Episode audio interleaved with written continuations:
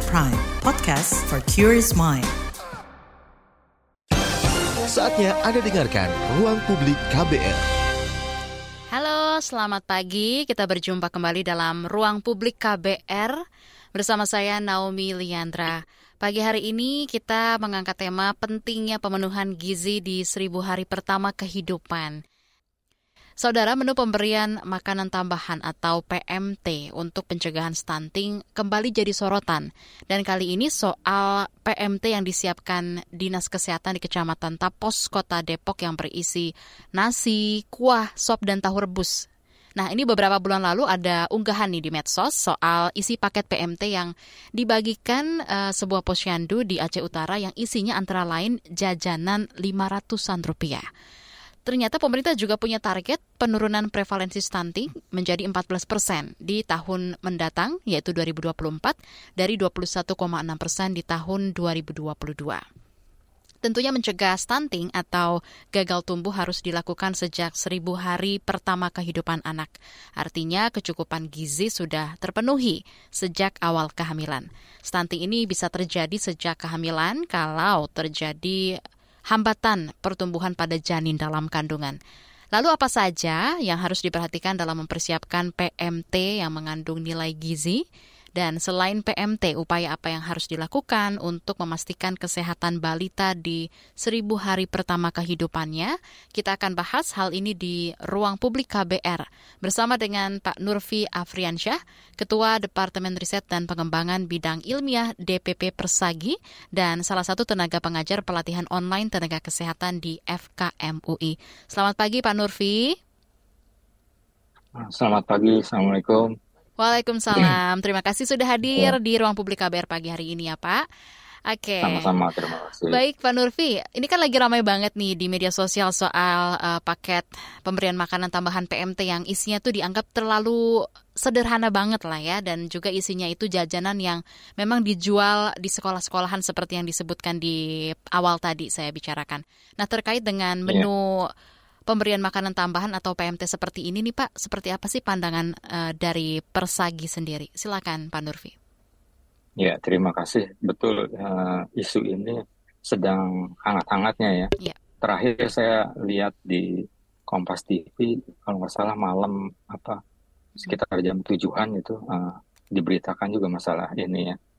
Jadi uh, sebetulnya bukan masalah uh, isinya terlalu sederhana atau misalnya isinya jajanan yang dijual di sekolah-sekolah gitu sebetulnya hmm. prinsip uh, pemberian makanan tambahannya ini dulu yang perlu kita apa sepakati ya hmm. maksudnya kita apa ketahui bersama ya okay. jadi hmm, apa pemberian makanan tambahan namanya juga makanan tambahan kan berarti makanan yang diberikan di luar makanan utama jadi makanan utama ya memang uh, sudah harus diperhatikan dulu kan hmm. makanan utama dari sasaran ini ya. Hmm. baru makanan tambahan. Jadi sifatnya ini kan uh, tambahan atau suplemen. Nah makanan tambahan ini itu sebetulnya uh, ada prinsipnya. Prinsip yeah. pemberiannya itu uh, ada tiga ya. Yaitu yang pertama itu adekuat atau cukup art, uh, dalam arti mencukupi kebutuhan zat gizi yang dibutuhkan oleh sasaran ya. Misalnya sasaran ini kan anak balita berarti mm-hmm. kebutuhan gizinya itu yeah. Iya. uh, harus uh, cukup ya, mm-hmm. adekuat. Yang kedua aman. Aman dalam arti kata dia tidak tercemar mikroba, kemudian juga aman dari bahan tambahan makanan yang berbahaya ya. Mm. Jadi uh, nah di prinsip kedua ini uh, oleh sebab itu uh, sebaiknya tidak diberikan dari makanan yang yang yang mudah dibeli ya. Jadi okay. yang makanan pabrikan yang ada tersedia itu kan uh, kita tidak tahu apakah uh, bahan tambahan makanannya itu aman atau tidak. Memang yang hmm. paling aman adalah makanan rumahan itu. Hmm. Terus yang kedua itu aman ya, aspek yeah. aman. Yang ketiga ya uh, apa namanya beragam ya, beragam itu bervariasi karena uh, tidak ada satupun bahan makanan yang sempurna mengandung seluruh zat gizi yang dibutuhkan oleh uh, anak ya, anak hmm. balita dalam hal ini.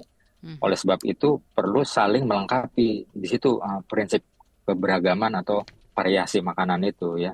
Nah, paling tidak tiga ini harus dipenuhi. Nah, untuk memenuhi tiga ini kan tidak harus uh, mahal sebetulnya. Yeah. Jadi bisa sederhana, tapi yang penting memenuhi syarat itu ya.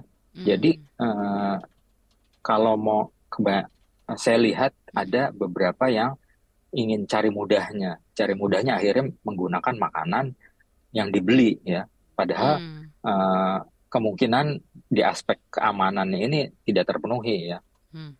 Itu. Mm-hmm. Uh, Oke, okay, mungkin. Uh, jadi yeah. dari apa yang uh, lagi viral ini nih Pak, apakah uh, sudah memenuhi tiga syarat yang tadi Bapak sebutkan? Tapi kayaknya sih enggak ya Pak. Bisa dijelaskan yeah, ya, Pak, silakan. Betul, betul. Nah itu. Jadi uh, dari dari sepotong yang maksudnya saya kan hanya yeah. melihat dari berita yang ada di Kompas TV itu ya. Dari yang di, diberitakan itu memang uh, di situ di, diinformasikan bahwa sajian yang diberikan itu memang uh, tidak memenuhi keberagaman uh, awalnya memang tidak ya. Jadi ada beberapa ada uh, sajian yang cuman hanya hanya mengandung dua atau tiga uh, sajian aja ya. Jadi itu mm -hmm. tidak memenuhi tidak memenuhi syarat. Tapi uh, ternyata uh, ada saya perhatikan lagi um, maksudnya ada pemberitaan juga di kalau nggak salah di di koran Republika ya. Yeah. Itu uh, setelah dimintai klarifikasi konfirmasi dari kepala dinas kesehatan kemudian dipertemukan oleh uh, terus juga dari puskesmas yang ada di di Jawa Barat itu ya mm-hmm. uh, kemudian uh, oleh uh, DPRD ya DPRD Depok setempat nah dari situ ternyata uh, dikatakan bahwa yang sempat ter tercapture mungkin itu adalah uh, kudapan dibilangnya uh, okay. jadi snacknya ya mm-hmm. jadi memang nggak lengkap ya jadi dari seminggu itu katanya enam hari itu uh, kudapan di hari terakhir hmm. yang hari ketujuh. Nah itu baru hidangan lengkapnya. Nah itu yang yang lengkap ya. Oke okay, baik. Jadi jawabannya seperti itu. Iya baik. Tadi, nah, uh -huh. silakan Pak. Ya, ya. Tapi memang uh, kalau kita lihat ya uh, uh, ada dari dari beberapa puskas uh, dari beberapa puskesmas itu katanya katanya ada satu yang memang tidak memenuhi memenuhi syarat untuk mm-hmm. ke menu yang yang baik untuk uh, pencegahan stunting tadi itu ya. Mm-hmm. Jadi itu uh, memang ada uh, satu satu okay. uh, uh, satu kecamatan katanya, satu puskesmas ya. Oke, okay, baik. Tadi Pak Nurfi juga menyinggung gitu ya sebelum PTM, makanan utama dulu yang harus diperhatikan. Ini apa bedanya Betul. nih Pak, makanan utama dengan makanan tambahan ini, Pak Nurfi? Iya, jadi gini, uh, kebutuhan uh, uh, lebih tepatnya sebetulnya kecukupan, ya. kecukupan zat gizi dari uh, anak seorang anak, khususnya anak balita ya, itu hmm. kan uh, dalam sehari bisa ada hitungannya kan di, diperhitungkan. Nah itu harus dibagi uh, atas makanan utama dan makanan selingan ya, hmm. makanan selingannya.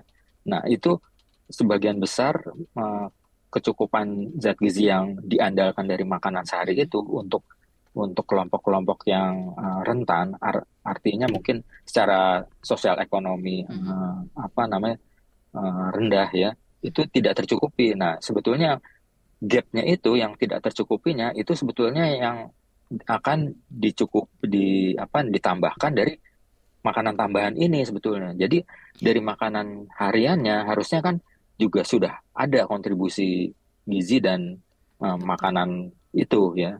Nah hmm. itu yang kita kita tidak tahu kan masing-masing uh, sasaran beda-beda kan di yeah. rumahnya ya.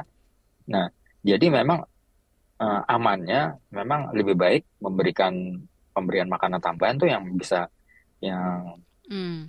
bisa mencukupi ya secara keseluruhan ya udah bisa menjamin gitu. Oke baik Pak. Nah terkait dengan PMT ini sendiri kan sudah diatur begitu ya dalam uh, Permenkes RI nomor 51 tahun 2016 yang memang Betul. tentang standar produk suplementasi gizi. Nah, dalam Permenkes itu kan juga diatur juga ada standar makanan tambahan untuk anak balita, kemudian juga anak usia sekolah dasar, lalu Betul. ibu hamil juga ada di situ. Apakah menurut Anda nih Pak, aturan ini bisa mendorong upaya untuk menurunkan angka stunting, Pak Nurfi? Iya. Hmm. Baik.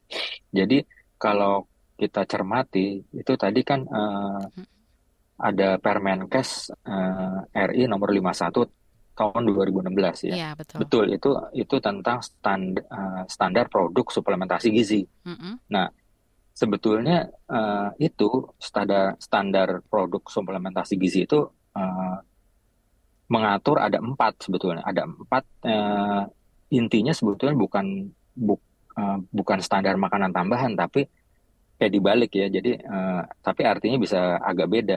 Standar tambahan makanan ya. Suplemen suplemen suplementasi gizi itu tambahan makanan ya. Hmm. untuk balita anak usia sekolah dasar dan ibu hamil ya. Okay. nah itu uh, kalau kita kalau kita perhatikan lagi itu di break di di apa namanya dirinci ada empat di situ ya. Ada empat yaitu satu ya uh, pemberian tambahan makanan atau zat gizi berbentuk ya satu makanan tambahan hmm. berupa biskuit ya okay. untuk uh, untuk balita 6 sampai 59 bulan. Jadi sudah disampaikan bahwa ternyata dengan adanya uh, suatu hal ataupun juga satu kejadian yang ramai di medsos begitu ya paket PMT yang memang dianggap terlalu sederhana begitu kan tadi juga disampaikan ternyata uh, dari Pak Nurfi makanan utama yang harus diperhatikan itu adalah uh, yang pertama banget baru makanan tambahan dan tentunya ada beberapa hal seperti ada tiga makanan tambahan yang menjadi prinsipnya. Yang pertama itu adikuat, yaitu harus cukup gizi, kemudian juga cukup uh, sesuai dengan sasaran usianya. Kemudian yang berikutnya adalah aman, yaitu tidak terkontaminasi dengan tambahan uh, berbahaya dan juga mikroba. Kemudian juga yang terakhir adalah beragam atau bervariasi karena memang uh, tidak dari semua makanan itu bisa memiliki kandungan gizi yang sama tentunya. Kita akan segera kembali lagi tentunya dalam ruang publik tetaplah bersama kami. Masih Anda dengarkan Ruang Publik KBR. Commercial break. Anda sedang mendengarkan program Saga Produksi KBR. Dia mau nyium saya juga, Pe. Kita harus ramai-ramai-ramai-ramai semua pakai kain. Sekolah lansia merupakan upaya untuk memperpanjang usia sehat. Kisah-kisahnya menarik kan? Dengarkan kisah-kisah selengkapnya hanya di Saga. Cerita tentang nama, peristiwa, dan fakta. Selain kisah-kisah inspiratif, Saga juga menghadirkan liputan mendalam yang dikemas menarik dengan kualitas jurnalistik terbaik. Dengarkan Saga hanya di kbrprime.id. KBR Prime, podcast for curious mind. Masih Anda dengarkan Ruang Publik KBR. Terima kasih Anda masih menyimak Ruang Publik KBR bersama dengan narasumber kita pagi ini Pak Nurfi. Ya, jadi um, mungkin tadi terputus saya ingin melanjutkan ya. Boleh, Itu silakan. Sebetulnya di di Permenkes tentang uh, apa namanya tentang stand tentang standar produk suplementasi gizi itu ada empat sebetulnya yang diatur yaitu satu tentang uh, apa namanya pemberian tambahan makanan uh, mm-hmm. berbentuk satu makanan tambahan berupa biskuit ya mm-hmm. kedua suplemen berupa tablet tambah darah ketiga suplemen berupa kapsul vitamin A dan yang keempat suplemen bubuk tabur gizi nah jadi sebetulnya dari empat itu tiga, satu berbentuk uh, makanan tambahan ya, tapi hmm. makanan tambahannya pun biskuit ini ya. Jadi biskuit yang yang isinya itu mengandung apa? Nah, energi, protein, lemak, karbohidrat, terus kemudian uh, ada 10 vitamin, dua mineral. Yeah. Itu uh, jadi masing-masing itu sesuai dengan kebutuhan dari uh, anak ya. Hmm. Nah, memang dari segi zat gizinya baik tercukupi, cuma dari segi selera biskuit ini ternyata uh, daya terimanya juga anak lama pertama mungkin uh, suka lama kelamaan bosan akhirnya yeah. dari hasil evaluasi ini sebetulnya uh, perlu diganti oleh sebab itu yang poin yang pertama ini ya ini sebetulnya sekarang itu sudah diganti dengan sudah keluar lagi perbaikannya itu pedoman pemberian makanan tambahan berbahan pangan lokal. Nah, hmm. pangan lokal ini yang sebetulnya yang diaplikasikan di yang tadi ya yang di awal disinggung itu itu sebetulnya dari pemberian makanan lokal harusnya. Jadi okay. dibuat makanan itu resep uh, berdasarkan resep ya, resep yang sudah ada pedomannya dari mm-hmm. Kemenkes ya. Nah, itu sudah diberikan ke masing-masing puskesmas. Nah, cuman aplikasinya ini kan ternyata uh, perlu di, didampingi ya, uh, perlu diawasi karena be begitu itu misalnya yeah. di di suborderkan misalnya ke ke apa namanya uh, orang yang bis yang memasakkan itu belum tentu sesuai kan. Nah, itu yang perlu di, diawasi. Okay. Itu yang perlu yang diperbaiki. Baik, nah, Pak dari Nurfi, uh, ya. oke okay, sebelum dilanjutkan, mohon maaf saya potong sebentar. Ini sudah ada ya. yang bergabung dalam telepon Bapak Sepulsa kita. Kita sapa dulu ya Pak Baik. ya, dari Pak Edi di Pariaman, Sumatera Barat. Halo Pak Edi, ya. masih tersambung? Oh, selamat pagi Bu. Selamat pagi, Pak. silakan Pak Edi dengan tema kita nih ya. Pak. Ya. Nah ini saya di monitor melalui Radio Dara FM Pariaman ini Bu. Radio Dara FM Pariaman, ya. selamat pagi yang iya. mendengarkan melalui Radio Dara FM Pariaman. Silakan Pak Edi. Ah, iya, saya mau bertanya ini tentang stunting dan makan tambahan ya Bu ya. ya. Silakan, silakan. Nah, saya ini bertanya tentang makan tambahan. Nah, hmm. apakah bolehkah kita mengasih? Kan ada juga saya menemukan ini Bu. Hmm. Tentang makan tambah itu dari kacang hijau. Oke. Okay. Lalu dibuburkan gitu dimasak. Nah, apakah itu boleh menurut Kemenkes gitu bu? Mm-hmm. Menurut oh, kesehatan, apakah itu boleh diberikan kepada anak balita maupun usianya belum masih di apa namanya oh dari satu tahun sampai umur sekolahan gitu bolehkah dikasih oh Bubur makanan kacang hijau seperti begitu ya? Oh, kacang hijau hmm. atau dari oh, ikan gitu bu. Ikan, uh, oke, okay. dikelola seperti apa nih ikannya? Nah, dikelola ikan itu di apa namanya dicairkan gitu, lalu digiling, lalu dimasak melalui seperti bikin tahu gitu. Oke, okay. ada lagi? Mungkin uh, ada yang mau ditanyakan dari Pak uh, Nurfi ke Pak Edi? Uh, dan itu sementara dulu Bu, nanti kalau ada nanti disambung kembali ya. Baik, terima kasih Pak Edi di Pariaman, ya, Sumatera Barat. Pak Nufi dan Ibu, selamat pagi. Selamat ya. pagi, terima selamat kasih pagi. sudah mendengarkan dari Radio Dara FM Pariaman ya. ya. Silakan Pak Nurfi, gimana nih Pak kalau ya. berikan makanan tambahan dari kacang hijau ataupun uh, ikan yang diolah seperti uh, dalam bentuk tahu begitu ya, tadi yang sudah ditanyakan. Silakan Pak Nurfi. Ya, baik sekali pertanyaannya Pak Edi ya. Jadi uh, sebetulnya yang awal tadi saya sebutkan uh, syarat prinsip pemberian makan tambahan untuk uh, ba, apa anak terutama anak yang tumbuh kem, tumbuh kembang kritis ya. Hmm. di seribu hari pertama kehidupan itu kan sejak mulai uh, apa ibu hamil ibu mulai hamil ya artinya anak sejak anak janin sampai di usia uh, du, dua tahun sebelum dua tahun. Itu masa perkembangan cepat ya. Itu jangan sampai gizinya itu mengalami kekurangan karena akan terjadi keterhambatan pertumbuhan, stunting, dan itu akan mempengaruhi uh, kualitas SDM yaitu uh, apa otaknya tidak berkembang secara uh, uh, lengkap ya seperti itu ya. Nah di makanan ini aplikasi ke makanan makanannya itu oleh sebab itu uh, syaratnya itu adalah um, jadi uh, secara fisiologi, secara uh, faal tubuh itu anak uh, uh, apa namanya di bawah dua tahun itu lah, begitu lahir lah begitu lahir anak itu sebetulnya lambungnya itu kan masih uh, apa rentan ya maksudnya hmm. masih lemah ya yeah.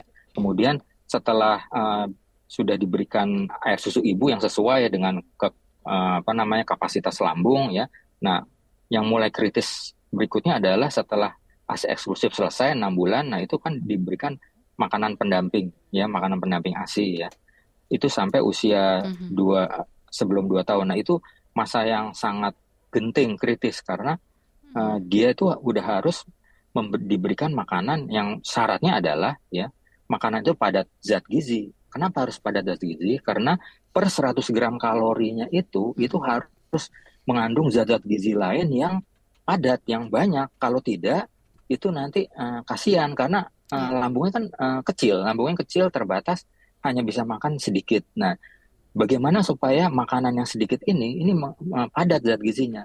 Nah, dalam hal ini kacang hijau tidak termasuk zat yang padat zat gizi ya, dia hanya mengandung hmm. zat gizi tertentu. Nah, penelitian menunjukkan bahwa uh, yang tergolong makanan yang padat zat gizi hmm. artinya sumber protein apa namanya terpenuhi ya, mm -hmm. proteinnya terpenuhi, protein kualitas tinggi plus ada enam zat gizi penting yang disebut juga zat gizi uh, vitamin dan mineral prioritas ya tiga vitamin yeah. tiga mineral mm-hmm. ini yang kebanyakan mengalami kekurangan pada anak yang stunting jadi ini penelitian ini yeah. menunjukkan bahwa anak-anak yang stunting di Asia Selatan dan Asia Tenggara ini yang paling banyak stuntingnya di Asia ini itu ternyata mengalami kekurangan enam zat gizi mikro ini ya mm-hmm. tiga vitamin tiga mineral tiga vitamin itu itu adalah vitamin A vitamin apa uh, asam folat ya sama vitamin B12. Sementara mineralnya ada tiga, yaitu yodium, ya, terus uh, zat besi, sam, eh, bukan yodium, ya. kalsium, vitamin zat besi sama zinc.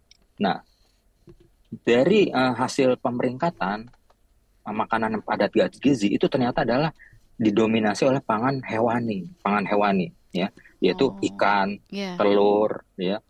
Ikan dan telur ini di samping uh, proteinnya uh, tinggi, mm -hmm. ya, bermutu tinggi juga mengandung tinggi amat tinggi keenam ini keenam zat gizi mikro yang dibutuhkan yang kebanyakan mengalami kekurangan pada anak yang stunting ya. Mm -hmm. Nah itu di samping telur ya uh, ikan ya, ikan segar ya kemudian uh, hati ya, hati ayam atau hati sapi ini juga tinggi sangat tinggi. Uh, di samping proteinnya tinggi juga ya keenam zat gizi itu Nah, kemudian uh, ada krustasea, krustasea itu udang, cumi ya. Okay. Nah, itu kan masuk golongan ikan juga, kerang. Nah, itu juga mm -hmm. masuk ya. Nah, justru uh, apa uh, daging, susu itu di bawah. Uh, maksudnya oh. kalau yang tadi itu yang saya sebutkan itu yeah. amat tinggi ya. Kategorinya mm. amat tinggi. Mm -hmm. Di bawah itu tinggi, yang tinggi itu adalah daging, nah, susu, ya, keju, ya. Nah, padahal itu kan lebih mahal kan dari segi dari Betul. segi apa? Uh, nah, yang di atas mm -mm. It, dari segi uh, harga itu ternyata lebih lebih terjangkau. Uh, lebih terjangkau di atas itu tapi hmm. uh, grade-nya lebih tinggi, amat tinggi itu. Tapi nah, kalau, sementara pangan he, iya? pangan nabati, uh-huh. pangan nabati itu termasuk juga kacang hijau tadi ya kan, mm-hmm. pangan nabati itu di bawah rendah. Nah, okay. Jadi itu termasuk tidak kategori padat zat gizi. Jadi hmm. itu tidak cocok untuk diberikan kepada uh, anak uh, di bawah 2 tahun. Nah nanti kalau anak usia sekolah ya nggak apa-apa ya, itu beda. Hmm, Oke. Okay. Tadi uh, Pak Nurfi menyebutkan ikan, mungkin bisa dikasih referensi gitu Pak ikan yang paling bagus gitu ya ikan apa sih pak biasanya nih ibu-ibu kalau mendengarkan pengen tahu uh, beli ikan apa atau ke ikan nah, betul. kembung itu juga bagus betul. banyak kan pilihannya betul, apa nih pak. Nurfi Betul. Nah, sebetulnya Indonesia itu kan sangat kaya ikan ya. Jadi yeah. setiap wilayah itu punya punya potensi ikannya sendiri-sendiri ya. Mm -hmm. Nah, itu uh, tergantung wilayahnya sebetulnya wilayah yang tinggi ikannya apa, itu gunakan saja itu. Okay. Yang penting cara mengolah ikannya ini. Jadi ikannya sebaiknya uh, jangan sampai ikan itu uh, uh, apa namanya uh, tidak segar ya. Jadi uh, diutamakan ikan itu ikan yang segar ya. Mm -hmm Kemudian kalau misalnya mau ikan yang yang apa yang sudah agak kurang segar, nah itu gunakan yang seperti kayak ikan yang bisa dimakan uh, utuh ya. Contohnya adalah teri. Teri itu kan uh, semuanya sampai hmm. tulang-tulangnya kan dimakan kan. Tulangnya itu mengandung kalsium yang hmm. tinggi ya. Enak lagi ya, nah, Pak. Itu. Enak lagi betul. Betul itu. okay. Betul sekali.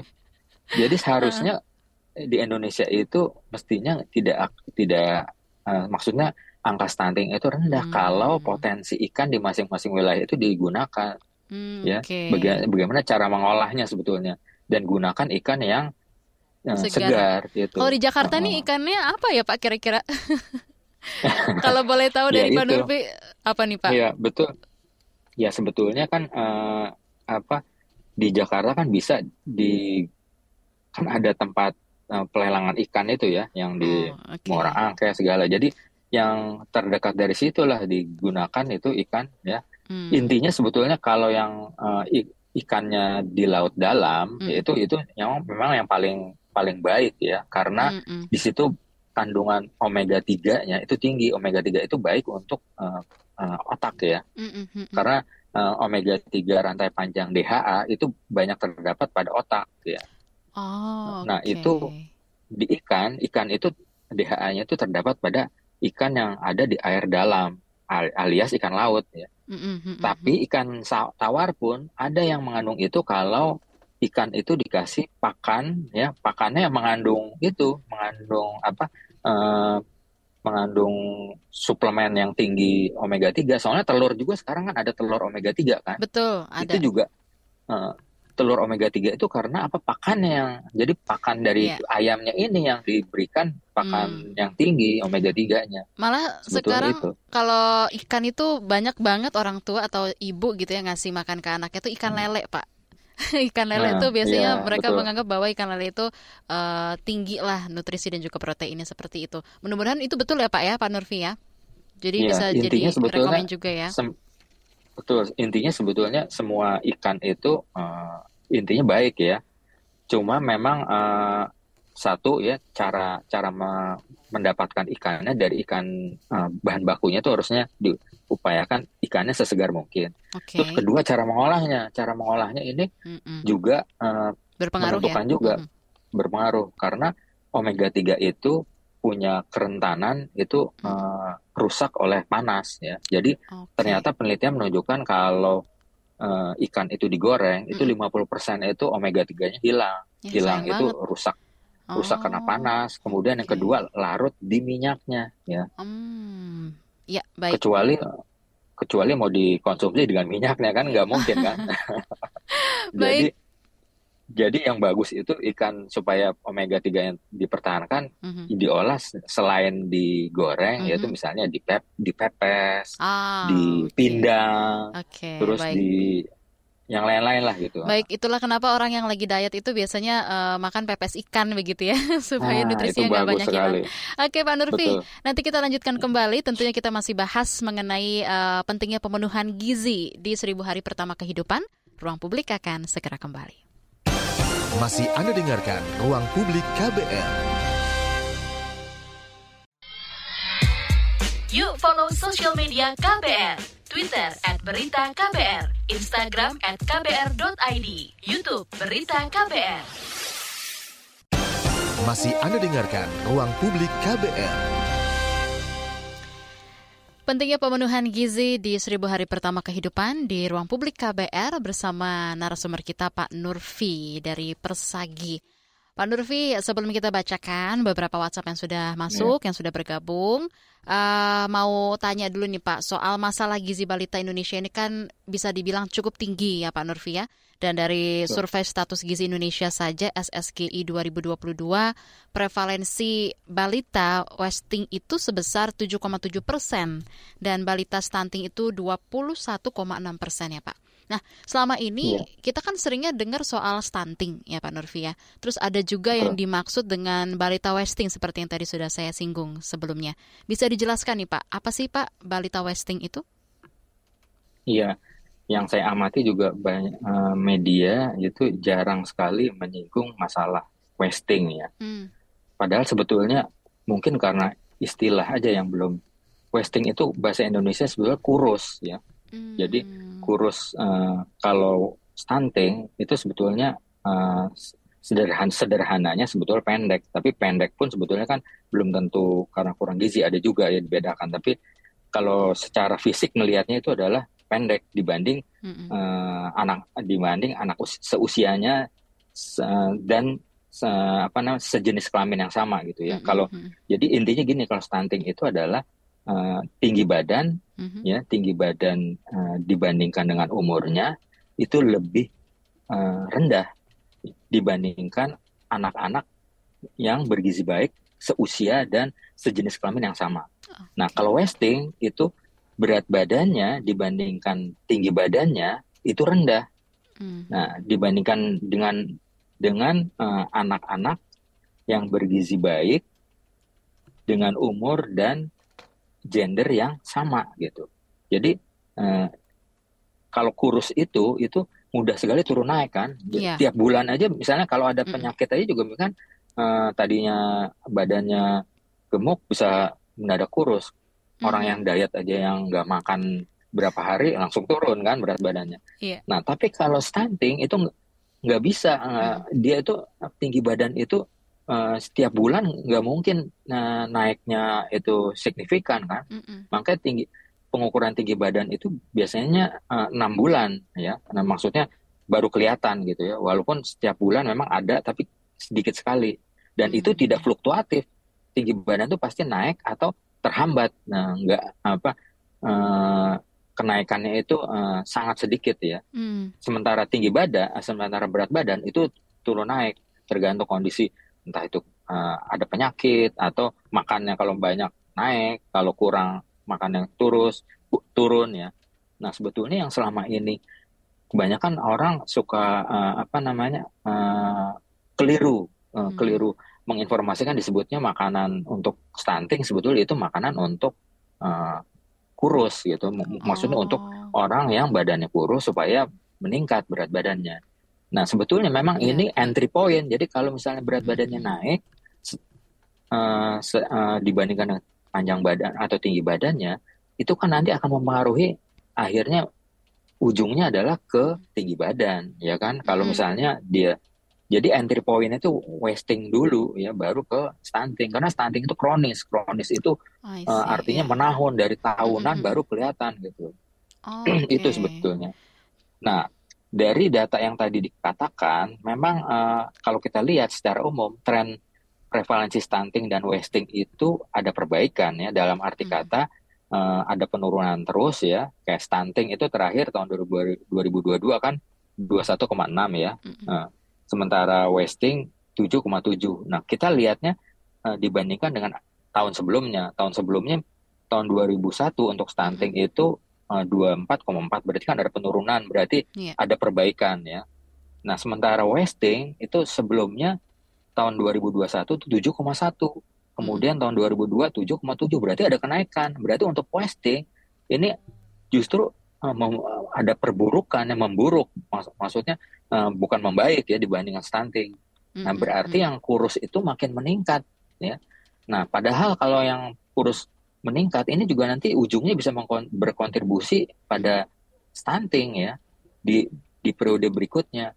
Oleh sebab itu uh, makanya ini yang wasting ini yang kurus ini harus di uh, perhatikan diperbaiki, ya, Pak? Iya. diperhatikan. Nah, itu tadi iya. pemberian makanan tambahan itu yang paling cepat adalah emang mm -mm. bisa meningkatkan berat badan dulu ya. Oh, Nanti okay. ujungnya baru supaya uh, bisa mencegah si stunting itu ya Pak ya kalau dari betul. yang balita wasting karena, itu sudah diatasi.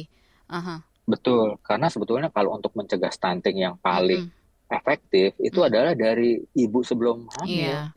Tapi kalaupun Karena, memang sudah terjadi si balita wasting itu bisa diperbaiki hmm, ya Pak ya berarti ya? Iya, betul. Ya? Wastingnya ini uh -uh. makanya wasting yang kurus ini yang perlu di mendapat okay. perhatian juga. Ya. Baik, Pak Nurfi, terima kasih penjelasannya. Kita mulai bacakan beberapa WhatsApp yang sudah uh, masuk di WhatsApp 0812 118 8181. Kita baca dulu. Bisa dibuka dari Banjarbaru. Ada Pak Rama mendengarkan melalui Nusantara FM Banjarmasin. Oke, okay, baik. Uh, saya rasa anggaran pemerintah itu harus diaudit supaya tidak terjadi lagi kesalahan menu PMT.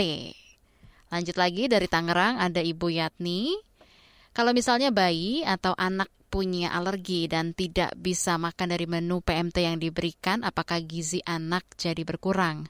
Silakan Pak ditanggapi dulu. Ya, terima kasih. Memang ini uh, banyak uh, apa uh, titik kritisnya untuk uh, telur dan ikan itu adalah uh, keluhan alergi ya, karena memang ada beberapa anak yang uh, mengalami alergi.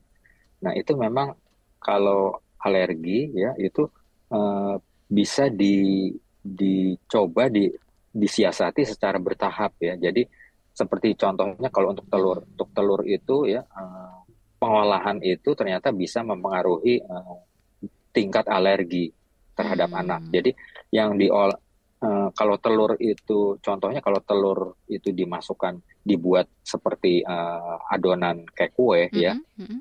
uh, kayak di cake atau di misalnya yeah. di hidangan yang dicampur gitu ya mm -hmm. itu uh, tingkat alerginya masih lebih tinggi dibanding kalau telur itu direbus telur rebus telur ya. rebus oh oke okay, oke okay. uh, telur rebus itu ternyata bisa mengurangi uh, tingkat alergi dibanding uh, yang dicampur di telur kan banyak dicampur juga untuk baking ya, iya, Pak, uh, betul. untuk pemanggangan segala. Nah itu uh, lebih uh, apa namanya zat-zat alerginya itu masih lebih tinggi dibanding setelah diolah jadi uh, apa namanya telur rebus itu seperti itu ya. Okay.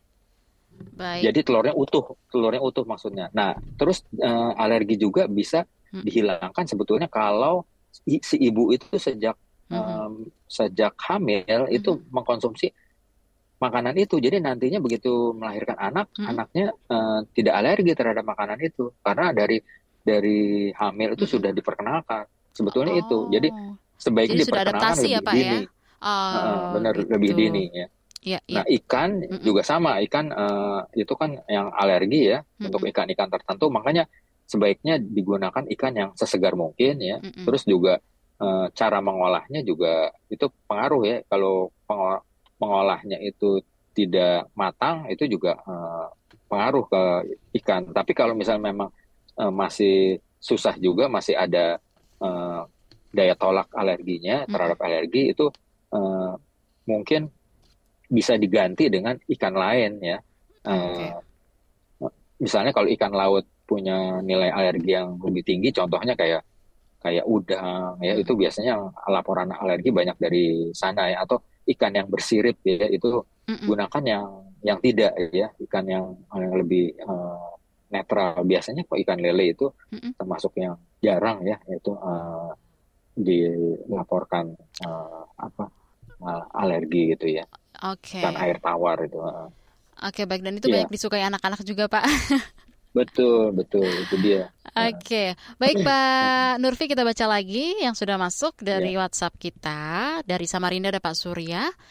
Topik gizi dan stunting saat ini sangat menarik karena di negara kita masih banyak anak-anak yang mengalaminya dan dan tentu ini menjadi perhatian para calon pemimpin yang akan memperebutkan suara kita tahun depan. Program makanan gratis cegah stunting sebagai janji salah satu program dari mereka. Banyak yang sudah membahas soal ini. Apakah ini bisa memenuhi dan juga membantu pemenuhan gizi masyarakat kita? Tanggapan Anda seperti apa nih Pak Nurfi? Silakan. Ya, uh, jadi kita perlu melihatnya dari uh, dasar ilmiah yang kuat ya. Mm. Jadi uh, kalau salah satu janji uh, capres cawapres mm yang saya ketahui itu kan memberi makan siang gratis pada anak sekolah ya. Yeah. Kemudian uh, apa uh, susu ya bentuknya susu ya itu katanya bisa mencegah stunting.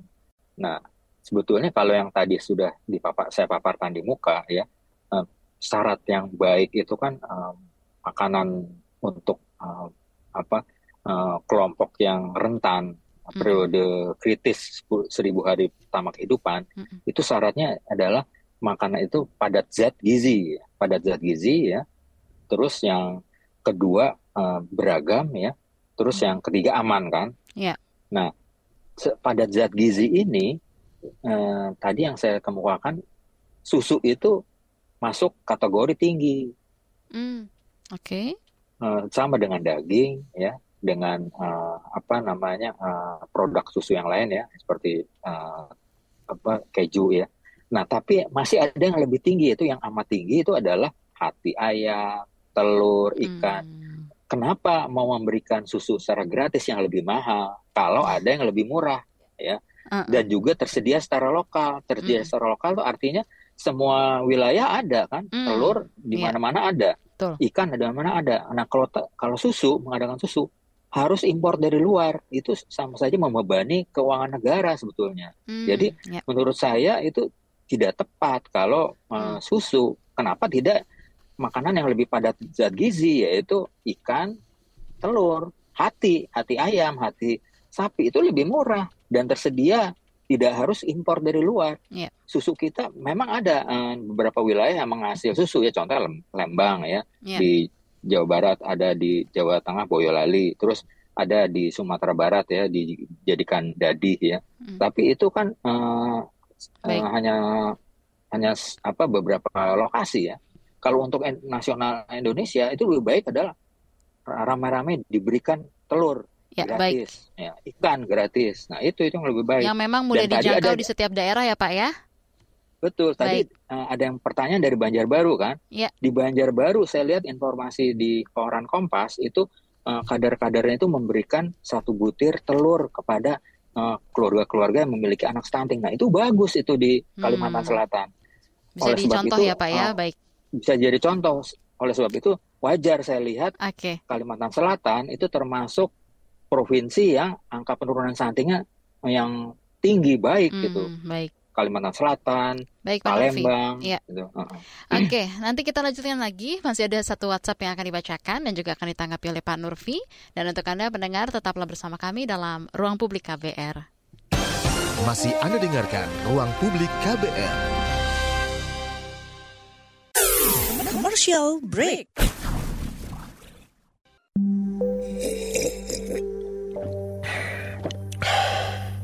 Yakin, cukup teh doang.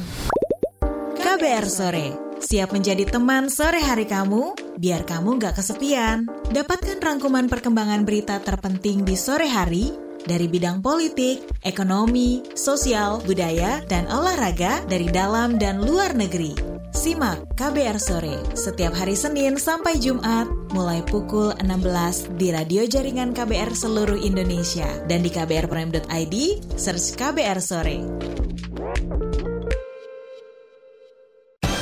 Masih Anda dengarkan Ruang Publik KBR.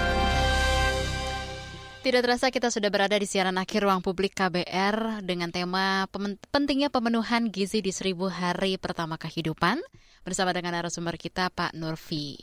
Baik, Pak Nurfi tadi sudah menyampaikan bahwa memang ya Pak, sumber pangan lokal kita sudah kaya, seperti misalnya ikan, telur itu sudah bisa dijangkau di setiap daerah yang ada di Indonesia tentunya. Nah, itu bisa juga membantu untuk pemenuhan gizi di seribu hari pertama kehidupan. Nah, tapi nih Pak, kalau tadi kita sempat bahas uh, sedikit soal ikan nih Pak ya. Uh, ada WhatsApp yang masuk nih Pak yang akan saya tanyakan dari Pekanbaru ada Ibu Tiar. Pak, kalau pengganti ikan segar untuk anak di bawah 2 tahun bisa dikasih minyak ikan nggak Pak? Mungkin vitamin itu ya Pak yang warnanya oranye. Hmm. Silakan nih Pak Nurfi tanggapan iya. Anda. Sebetulnya kalau untuk mengganti tidak ya, karena hmm. minyak ikan itu kan berarti hanya hanya mengandung zat gizi yang larut dalam minyak dan minyak ikan itu ya biasanya hanya tinggi vitamin A-nya, vitamin D ya. Mm-hmm. Kemudian uh, asam lemaknya ya, asam lemak. Tapi tidak memenuhi uh, persyaratan padat zat gizi tadi itu ya. Tadi padat zat gizi itu kan berarti harus dia harus ada protein ya, protein yang berkualitas tinggi yaitu protein hewani itu biasa protein yang berkualitas tinggi ya. Mm-hmm. Kalau di minyak ikan proteinnya tidak ada kan, nggak masuk di situ. Ya, itu hanya lemak ya. Oh, nah kalau gitu. di kalau di di ikan yeah. itu udah jelas kan protein ya mm. dia ikannya sendiri adalah sumber protein hewani yang kualitasnya tinggi ya artinya mengandung seluruh asam amino yang bisa langsung digunakan oleh tubuh kemudian di situ ada lemak lemaknya itu mm-hmm. lemak baik ya omega 3 nah, DHA ya mm-hmm. kemudian mengandung paling tidak enam zat gizi pro, mikro prioritas itu tadi yaitu yeah. tiga vitamin tiga mineral ya itu vitaminnya itu ada vitamin A ada vitamin A itu di minyak ikan memang tinggi ya yeah. tapi di tapi folat, folat dan vitamin 12 belum juga. tentu oh, okay. vitamin B12-nya nah ini ini kalau di di ikannya langsung ini yeah. mengandung ya kemudian oh, okay. belum lagi yang tiga mineral lagi tiga mineral lagi itu kan ada uh, apa namanya kalsium ya kan Mineral nah kalsium itu adanya biasa mm -mm. banyaknya di tulangnya ikan itu nah kalau yeah. bandeng presto nah bandeng yang di, dimakan uh -huh. dengan ikannya itu itu kalsiumnya tinggi oh gitu sama okay. dengan teri teri karena teri dan bandeng bandeng presto itu dimakan dengan ikan dengan tulangnya itu pasti kalsiumnya sangat tinggi mm, I see. Nah, itu jadi kalsium terus ada zat besi ada yeah. Uh, apa namanya zinc ya zat mm -hmm. zinc mm -hmm. itu semua untuk tumbuh kembang yang penting jadi, ya. Jadi memang ikan segar yang diolah dengan benar itu yang terbaik ya Pak ya? Itu yang terbaik, betul. Oke, semoga menjawab ya Ibu atau Pak Tiar yang ada di Pekanbaru atas pertanyaan Anda yang juga menjadi WhatsApp terakhir yang sudah saya bacakan. Lalu uh, berikutnya nih Pak Nurfi. Kalau um, kita tadi bahas begitu ya mengenai dengan uh, masalah gizi balita di Indonesia yang juga masih cukup tinggi nih Pak. Tapi kan pemerintah juga punya target nih Pak ya penurunan prevalensi stunting ini menjadi 14 persen ya Pak ya katanya di tahun 2024 Betul. dari 21,6 persen di tahun lalu 2022. Nah dengan adanya sisa waktu yang lebih kurang satu tahun lagi nih Pak ya, langkah apa iya. nih Pak? Langkah percepatan seperti apa yang kira-kira bisa dilakukan sama pemerintah? Iya, jadi sebetulnya kan uh, kalau kita lihat penurunannya dari tahun ke tahun itu kan uh, sepertinya uh, untuk tahun 2024 mm tinggal dua tahun lagi ini sepertinya apa namanya sulit ya untuk bisa mm mencapai. Tapi bukan tidak bisa dicapai ya dari negara okay. pengalaman negara-negara lain ya mm-hmm. itu sebetulnya bisa dicapai ya. mm-hmm. di kita juga harusnya bisa kalau uh, optimal ya terjadi uh, misalnya uh, ya tadi itu pemberian makanan tambahannya tidak ada apa penyimpangan ya mm. seperti itu tadi kemudian uh, kalau kita lihat angkanya kan uh, tahun 2022 itu 21,6 persen ya yeah. itu artinya kan masih di atas 20 persen mm-hmm. nah kalau menurut WHO itu kan batas 20% itu adalah batas yang disebut uh, angka uh, masalah stunting sebagai masalah kesehatan masyarakat yang hmm. tinggi ya. Nah, kalau di bawah 20 ya, 10 sampai 20 itu uh, masa apa stunting sebagai masalah kesehatan masyarakat yang menengah atau medium. Artinya udah udah keluar dari garis merah ya. Nah, berarti kan tahun 2002 ini data kita 21,6 tuh masih di masih di atas 20 kan, masih iya. garis merah kan. Nah, kita sebetulnya bisa turun di bawah 20 aja udah bagus ya. Tapi memang lebih bagus kalau bisa sampai 14. Tapi turun sampai uh, di atas 20 aja mungkin tahun ini yeah. udah turun ya di atas 20 eh, di bawah 20 itu udah baik ya. Mm -hmm. Tapi memang oh, kalau mau uh, mencapai sesuai dengan target 14 ya itu uh, kalau yang baik kan memang yang sustain ya yang hmm. ideal itu kan di uh, dipersiapkan uh, targetnya itu adalah dari ibu sebelum hamil artinya uh, misalnya calon pengantin ya remaja putri yang siap hamil nah itu itu yang dipersiapkan status gizi harus baik ya okay. nah kalau kalau untuk mempersiapkan itu butuh waktu jangka panjang, uh, mungkin waktu yang nggak terkejar. Paling tidak sekarang adalah untuk mengejar target satu tahun ini itu me mempush ya, meningkatkan uh, status gizi baik untuk mm -hmm. anak di atas satu tahun ya. Dia uh, maksudnya set, setelah dia itu selepas dari asi eksklusif ya enam bulan ke atas ya 6 sampai 23 bulan ini yang perlu dipush ya perlu diberikan uh, makanan yang uh, adekuat tadi ya, yang yeah.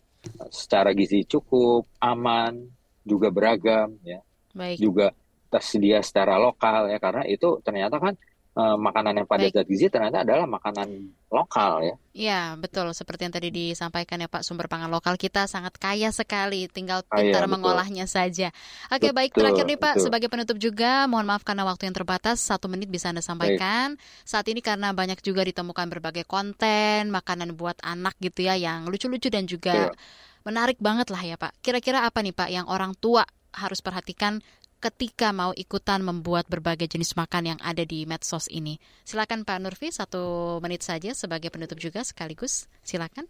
Baik. Nah, jadi untuk membuat uh, makanan uh, anak yang baik dan benar secara gizi dan kesehatan itu adalah perlu diperhatikan pertama secara zat gizi itu mencukupi kebutuhan dari anak tersebut. Kedua aman ya, aman apakah aman nggak ini dari bahan tambahan makanan, dari kontaminasi bakteri, ya. Yeah.